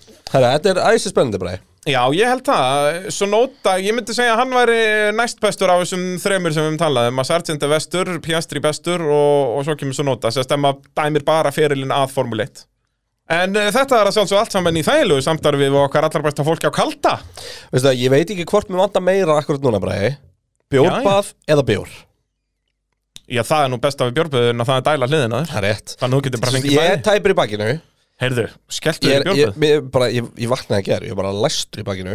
Hvenær ætla kaldi að skella sér yngi á höfuborgarsveið? Þetta eru svo akkur okkur að getum við fara. ekki bara að fara í bjórbáðunum fyrir mig vinna og fólk fyrir sund? Ég segi það. Hérna. Og það verður samt alvöru veistla Það verður alvöru veistla Komandi ángandi af humlum í vinnuna. Þú er automatist vinsalastur í, á vinnustanum 100% Það er bara svolítið en sko Er þannig ekki fólk að vinna með þetta fyrir norðan? Er ekki björnböð? 100% Árskoðasandurinn. Ég segi það. 100% Það er- En sko Ég er bara velst svo fyrir mér, sko, ég veit ekki hvort mér vantar meira Þú veist, nú er ég búin að þurfa að hlusta því í næstu í tvo tíma eða eitthvað. Hvort mér vantar bjór eða hvort mér vantar bað Sitt lítið á hvoru eins og það er bara Það er náttúrulega langt best, ég bara vissi ekki ég mætti velja bæði. Já, þú mátt það, það er að beauty við kalda bjórböðin. Ah, að þú ert með bjóri í bjórbæði eh, Talandum bjánaleg böð það í Azerbaijan sem við erum að fara til. Talandum bjánalegum böð? Já, já. Þetta er einhver besta setning sem ég hef heilt Talandum bjánaleg böð að eh, í Azerbaijan er þetta að fara í olíubað. Ha, Já, já, út að það er stærsta sest, það var fyrst fundin olí á er þessari jörð af, olíu þarna heldur en á vatni. Nei, þú veist, þetta er the origin, skilur. Ástæða fyrir að þú ert með síma í vasanum er út af Azerbaijan. Bara the OG oil. Já, bara og það er notu olía í allt sem er framleitt í dag, skilur Þannig að, að eh, og þar var hún fyrst fundin í Azerbaijan þó að þetta er ekkert stærsta olíuveldi en Nei. en eitt af þeim. Þetta er heldur vildi Já, Eins og sést hvernig fólk lifir í, í, í vel uh, listingum út um all, já, já, all, all land. svona þeir sem að eh, eiga olíu fyrirtækin en ekki hinnir, því að það er algjör óþar að vera að deila þessu. Eh, Þannig að það, þetta var mjög skemmtilega, mæli með Grand Tour þættinum þegar þeir fara til Azerbaijan, þá fer Akkur held ég hafi ekki séð þetta? Þetta er veistlega, keira bara þvert yfir Azerbaijan sem er náttúrulega djöfulli langt að fara því að þetta er djöfulli stórt. Á hvaða bílum? Eh, mann það ekki, einhverjum Jú, svona Grand já. Tours Einhverjum svona The hérna bara Sea to Bentley the Unsalty Já, Já, eitthvað svo jú, leiðis ég sé hann þátt. En hérna Ég þarf að kíka hann aftur? Já, hann er geggjaður uh, Síðast ökumæðurinn sem við ætlum að fara yfir í dag er Guan Yu Zhou. Joe Guan Yu. Joe Guan Yu, já þú veist. Herri, það er mjög er Sonota hérna- Yuki, þú ætti að segja það í Japan, skiluru Nei, Víst, nei, samkvæmt uh, Vakipitaya ok um, Joe Guan Yu heitir Joe Guan Yu Hann heitir ekki Guan Yu Joe Já, já, Þú veist, og, og já það það bara er, fer bara eftir uh, þjóðháttum Já, hann heitir Joe Guan, Yu. Joe Guan Yu. Þú veist um, En hérna, og ég, ég hef mjög gaman að Ég semst fekk hérna uh, Það kemur stelpa að vinna með mér. Og ég fekk hann alltaf bara Bara, heyri, ég byrja þetta rétt fram. Hún bara, já, þetta er bara Joe Joe Þú Búm. Já, þannig að við erum ekki að skýta okkur þar. Nei. Það er uh, Enda dásamlega hérna ég, Þú veist, ég held að okkur er fljótt cancelað ef við myndum fara Þú veist, sérstaklega þegar við erum komin í þessa þjóðir sko. Hérna, að fara eitthvað að bera það fram með framburði eins og ef við erum að byggja okkur um að gera með lykli Já, með og, og, og- hérna eitthvað þannig. Já, það er svo fyndið hvernig stundum að fólk uh, vill að maður byrja það fram með, með réttum framburði en Já, stundum ekki. veist, Logan Hunter Sargent. Wow. og hérna veist, mér er bara eins og með frönskunöfnin Það er aldrei verið að byggja mann um að Russell Nei, hvernig, hvernig verður breski? Lewis Hamilton. Hamilton? Ham, og hérna kemur Hamilton. Já, það væri það væri svo skrítið Já, það væri ekki óeðli í Þess að endann. svo fyndið þegar kemur þetta ekki segja Leclerc. Já. Uh, þetta er, það er nákvæmlega málið að vera uh, og eins með, þú veist þannig við myndum aldrei hafa sagt Alan Prost. Jú. Það er enda mjög sexy. Edson. Uh, ég, ég veit reyndar hvað ekkert hvernig maður það fram á brasilísku eða portugalsku segja Hérna kemur Mikael Schumacher. Schumacher. Já það væri sko Schumacher. Schumacher. Já já en það neini þá var þetta að segja bara Schumacher þú veist þetta er, er ákvæðanvert Já, það er bara svo fyndið hvernig veginn hvernig verður hot topic hjá. Með- Já, en bara alltaf bara með einn ökumann. Já já. Þú veist, þetta er ekki eitthvað, herru, hérna er bara listi Vil ég vinsalega spera allt fram rétt? Já, með sko, réttum sem miða við þá þjóð sko. Þú veist, við náttúrulega vinnum yfirleitt með þetta bara eins og bretin Þú segir veist, má, þú má, ég, þú ég þá ekki segja Daniel Daniel. Ricardo Nei, nei, Er Ricardo við, samþyktum Ricardo því að hann vill það. Já, Og hann erum við með tvö sikur nöpp sko já. En ég er að segja, þú veist, já, mér finnst það bara svo fyndi já, já, þetta er, við getum lengi rætt þetta Já, sem til. og er höfum gert það. Og höfum gert það uh, Þannig að tölum frekar um Guan Yu Joe Joe Guan að, Yu sem að er 23 ára uh, En verður 24 ára núna bara eftir mánuð, 30. mæ Já, Uh, það er lítið vitað um fóreldra hans en uh, það er talið að þau séu frekar rík. Uh, eru með einhvers konar bílabusiness, það er að segja pappin ok. Uh, og eru þess að, jú, það er alveg vitað að þau eru mjög rík en það er bara ekki alveg vitað hvernig, Já. basically. En það er netverður að er einhverjar 5-10 miljónir Og ef það er ekki vita, þá átti ekki að spurja það er svolítið svoleiðis. Og, og kannski hefur bara engin nett að, að pæla í því. Það er enginn komið tilbaka sem fór að bara Uh, hann byrjuði í go-kart 8 ára og er, veist, það er alveg augljóst að uh, þetta var tekið mjög ákvörum mjög snemma að mann ætti að verða kapatsusökumæður uh, en það er náttúrulega lítið um einhverjar svona flotta regional og national serjur þarna í, í Kína, Kína, þannig að hann flyttur til Sheffield og Englandi bara 12 ára bara til að fara að keppa í Það er bara ákveða þessi gæja að vera Já, þú veist, 12 ára að flytja til Englands frá Kína, sko, það er djúvill stórt skref, sko. sko. Þannig að þetta er aftur svona alveg góð maður er áhverð að vita hvort að fóröldina hefur farið með honum mig grunn nefnilega ekki sko. Það gæti ekki, ég reyndi að googla eins mikið við gætum fóröldina svo það bara, það fannst ekki neitt Nei. þá eru, hafa þið pott ekki farið með honum Já, gæti verið, sko, bara kasta honum hann og En þá fara hefði alltaf komið mynd, þú veist, ef þú googla mig þá finnur mynda mér og afa og það autosport Já, já, akkurat Þú veist. Já, það er góð, já, ætli hann hafi ekki farið einnanda það, þú veist, með bara eitthvað svona tutor með sér. Uh, en þetta er náttúrulega ástæða fyrir að hann tala svona góða ennsku, þú veist, hann talar ennsku eiginlega bara eins og englendingur, þú veist, Já. auðvitað ekki jafnvel, Nei, en, en en, þú veist, ef þú ert búin að vera hann í þú veist, 15 ár, þá ættir ekki það. Það er akkurat málið. Uh, heldur áfram í go-kart aðna árið 2013 uh, að þá uh, keppinu go-kart með Strawberry Racing Team. Ha? það er alvöru í Sheffield Fyrir ekki þetta er í Sheffield, Strawberry Racing Team. Ok. Jarðaberjaliðið hann nú reynda ekki amalum pakki Já, þú veist, við erum svo sem í dag er, er heimsmeistarinn í Formule 1 rauða nautið. Já, já, sem er orkudrykkur. Já, þú veist, ef þú tekur það með þessi burti bara Já, já, nautið. Bull. Já, já, þá myndi ég að segja að strawberry væri nú bara eðlilega sko. Og það er líka bara að kemur beint úr náttúrunni það er Strawberry Race Ég er að sjá fyrir mér núna svo mörg liveri Já, já, öll vel bleik og, og rauð og dásamleg sko. Og allt svona mjög kid-friendly og dásamlegt. En Ah. uh, hann vinnur National Junior mótið og Junior Rotax Max Euro Challenge. Já, ok. Þannig að það er Evropamót og, og sagt Brest Junior mót. Já, við að slum heldur heldur ekki vann með þetta sko bara hvað brest, veist, Við vorum að tala um áðan með hérna bandaríska, hérna regional og eitthvað svona dót.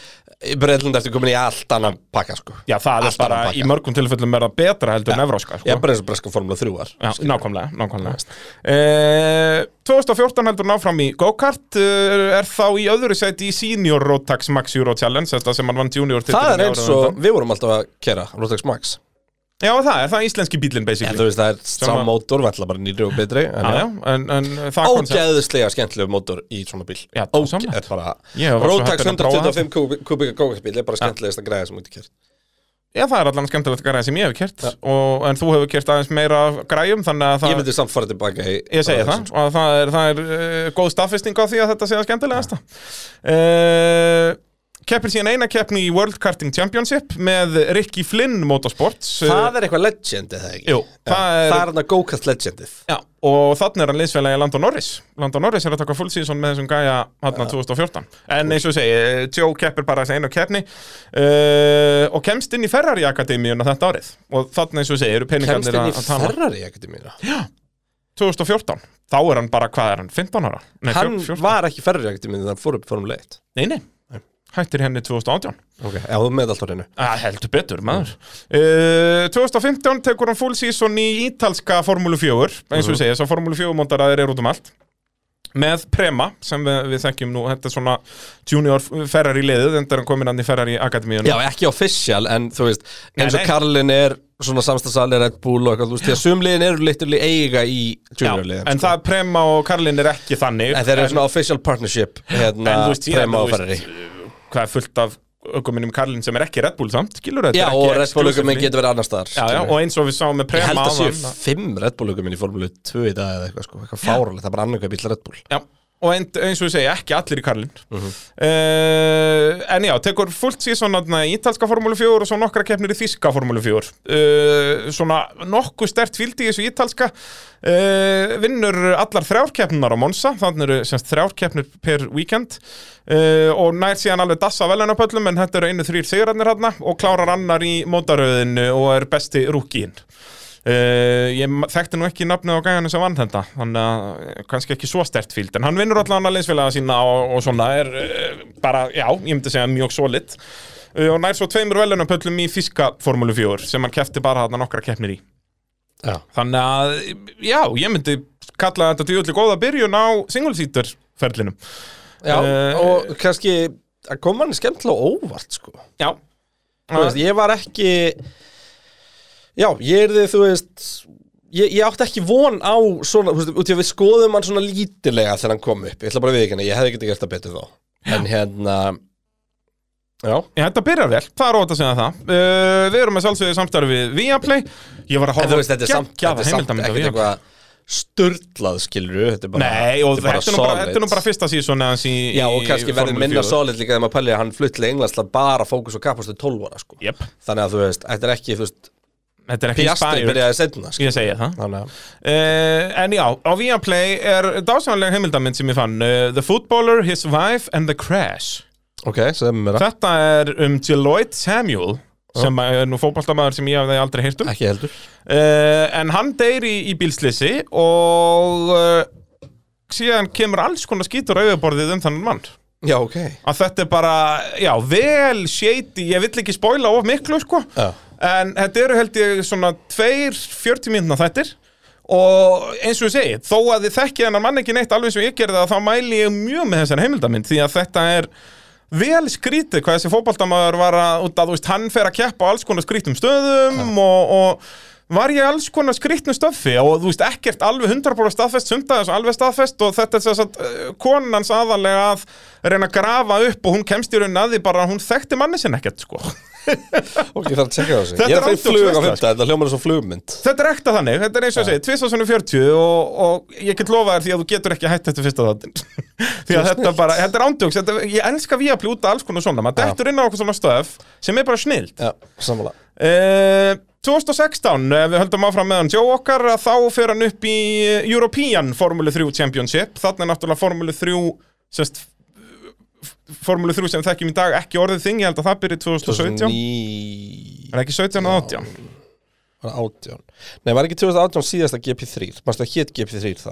Það getur verið, þetta verði allt Formula 2 verður Formula 2019. 2 áður en að GP3 verður Formula 3 Já, já, já, veist. það getur passa uh, En þá er hann komin í tím Motopark sem við tölum nú um áðan. Já, uh, Og þarna er alveg ágæti stert fíld í þessu European Formule 3 Championship. Lance Stroll verður hann að meistari. Ok. Uh, En Joe nær bara tveimur velunapöllum hann uh, og klárar 13. á eftir báðum leysfélögum sína, sínum sem eru líka rúkjar og nöfn sem að ég þekkt ekki. Megnað Þannig að Það það er, spurning hvað þetta verður rúkjar í F3 mjög samt. Gæti það verið í öðrum F3 serju gæti verið en voru allan rúkjar í þessari serju en, en þannig Joe búinn með þetta uh, ítalska formúlu 4 og nokkra keppnir í, þíska formúlu 4 þannig hann er að taka skrefið upp en, en já, alls ekki gott sísón sko, eins og við segi, 13. seti og, og fullt af rúkjum að vinna og þar á meðal liðsfélagarnir sko, sem eru rúkjís í þessu.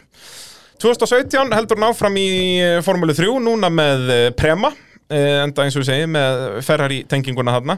Uh, en aftur ekkert spes tíumbil uh, endar hérna áttundi er þrisvarsinum í þriðasætti það er einu velunapallarnir Uh, en aftur á eftir sem sagt, tveimur liðsfélagan, þeir eru fjórir í liðinu hann vinnur bara eitt liðsfélaga sinn sem vann nú Mick Schumacher, en þarna er Mick Schumacher uh, á sínu fyrsta tímubili Formule 3 Hann sökkaði alltaf fyrst timbili Akkurat, uh, þarna er Joe á sínu öðru uh, og tapar fyrir, já, hinum tveimur leinsfélagunum sínum. Og þarna vinnur Landon okkur Norris Já, ég var, ég heyrt um hann ekkert já, hann var rúki á þessu tímbilið þannig að hann vinnur rúki the year og championshipið Uh, svo 2018 að þá reynir hann að komast upp í Formúlu 2 með hjálp uh, Ferrari en uh, það gengur ekki og heldur áfram í Formúlu 3 þriðja tímabilið sitt þar uh, var komið upp í, komin í annarsættið í, í mótinu á eftir leysfélaga sínum Marcus Armstrong uh, sem var rúki þetta tímabil. Uh, og já, komin upp í annarsættið í mótinu á það mitt tímabil.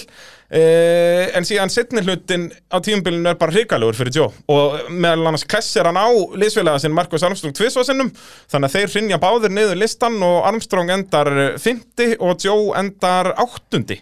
Spennandi Já, á þriðja tímabil endar Það hann var 8. mikk þá ennþá liðsfélagan Já, þá var Mick ennþá liðsfélags á sínu öðru ári. Uh, verður meistari, Mick Schumacher þarna og Armstrong verður 50 og Ralf Aron verður 70 sem er frá, nei, einhver Íslendingur sem er, var líka liðsfélagans þarna og eins og sé, allir liðsfélagar hans vinnan þó að Gvanni Jósi á þriðja tímabili. Ah, og annan tímabil með prema, þú veist, þetta Hvernig var bara endaði agalegt. ferðin ekki hann? Nákvæmlega, það er út af því að það Það er til bönns af kynverskum peningum. Já og líka bara það að vera kynverið, þú veist, þetta er jafn spennandi að vera bandaríkjamaður, skilur, þú ert alltaf með augu á þér Mhm. að þú veist, þarna hafði náttúrulega engin kynverið keft í Formule 1 ever, það er bara svoleiðis. Eh, 2019 fer hann úr Ferrari Akademíun og yfir til Runo, eh, er í Runo Akademíunu þarna og þá fer hann eh, í Formule 2 með eh, Juni Virtuosi. Virtuosi, já, þetta er svo áhugavert nafn sko. Já, og það er sérst að þá var hann bara í Runo já, já. bara komin all-in í Runo Akademíunu Þá er hann vantarlega með hérna Hubert og einhverjum í liði?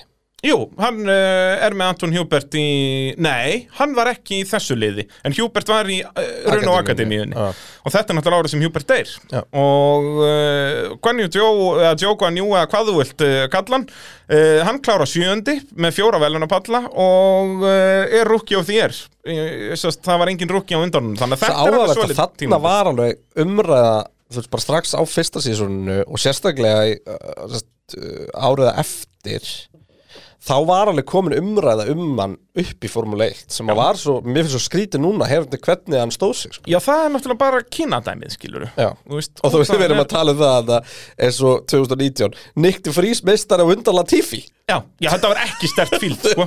Þetta var bara, eins og ég segi Aftur, jú, ok, rúki á því og allt það En endar sjöundi Þetta er aftur ekki sem rúkis í svona er þetta alveg fint klára sjöundi, fjóri velunapallar og eitthvað svona dót. Já. en svo höldum við áfram Já. og hann tekur tvö tímabili viðbúti í Formule 2 Það er akkurat máli, hann tekur aftur þrjú tímambil í sömu formúlinni 2020 heldur hann áfram með þessu Juni Virtuosi í liði.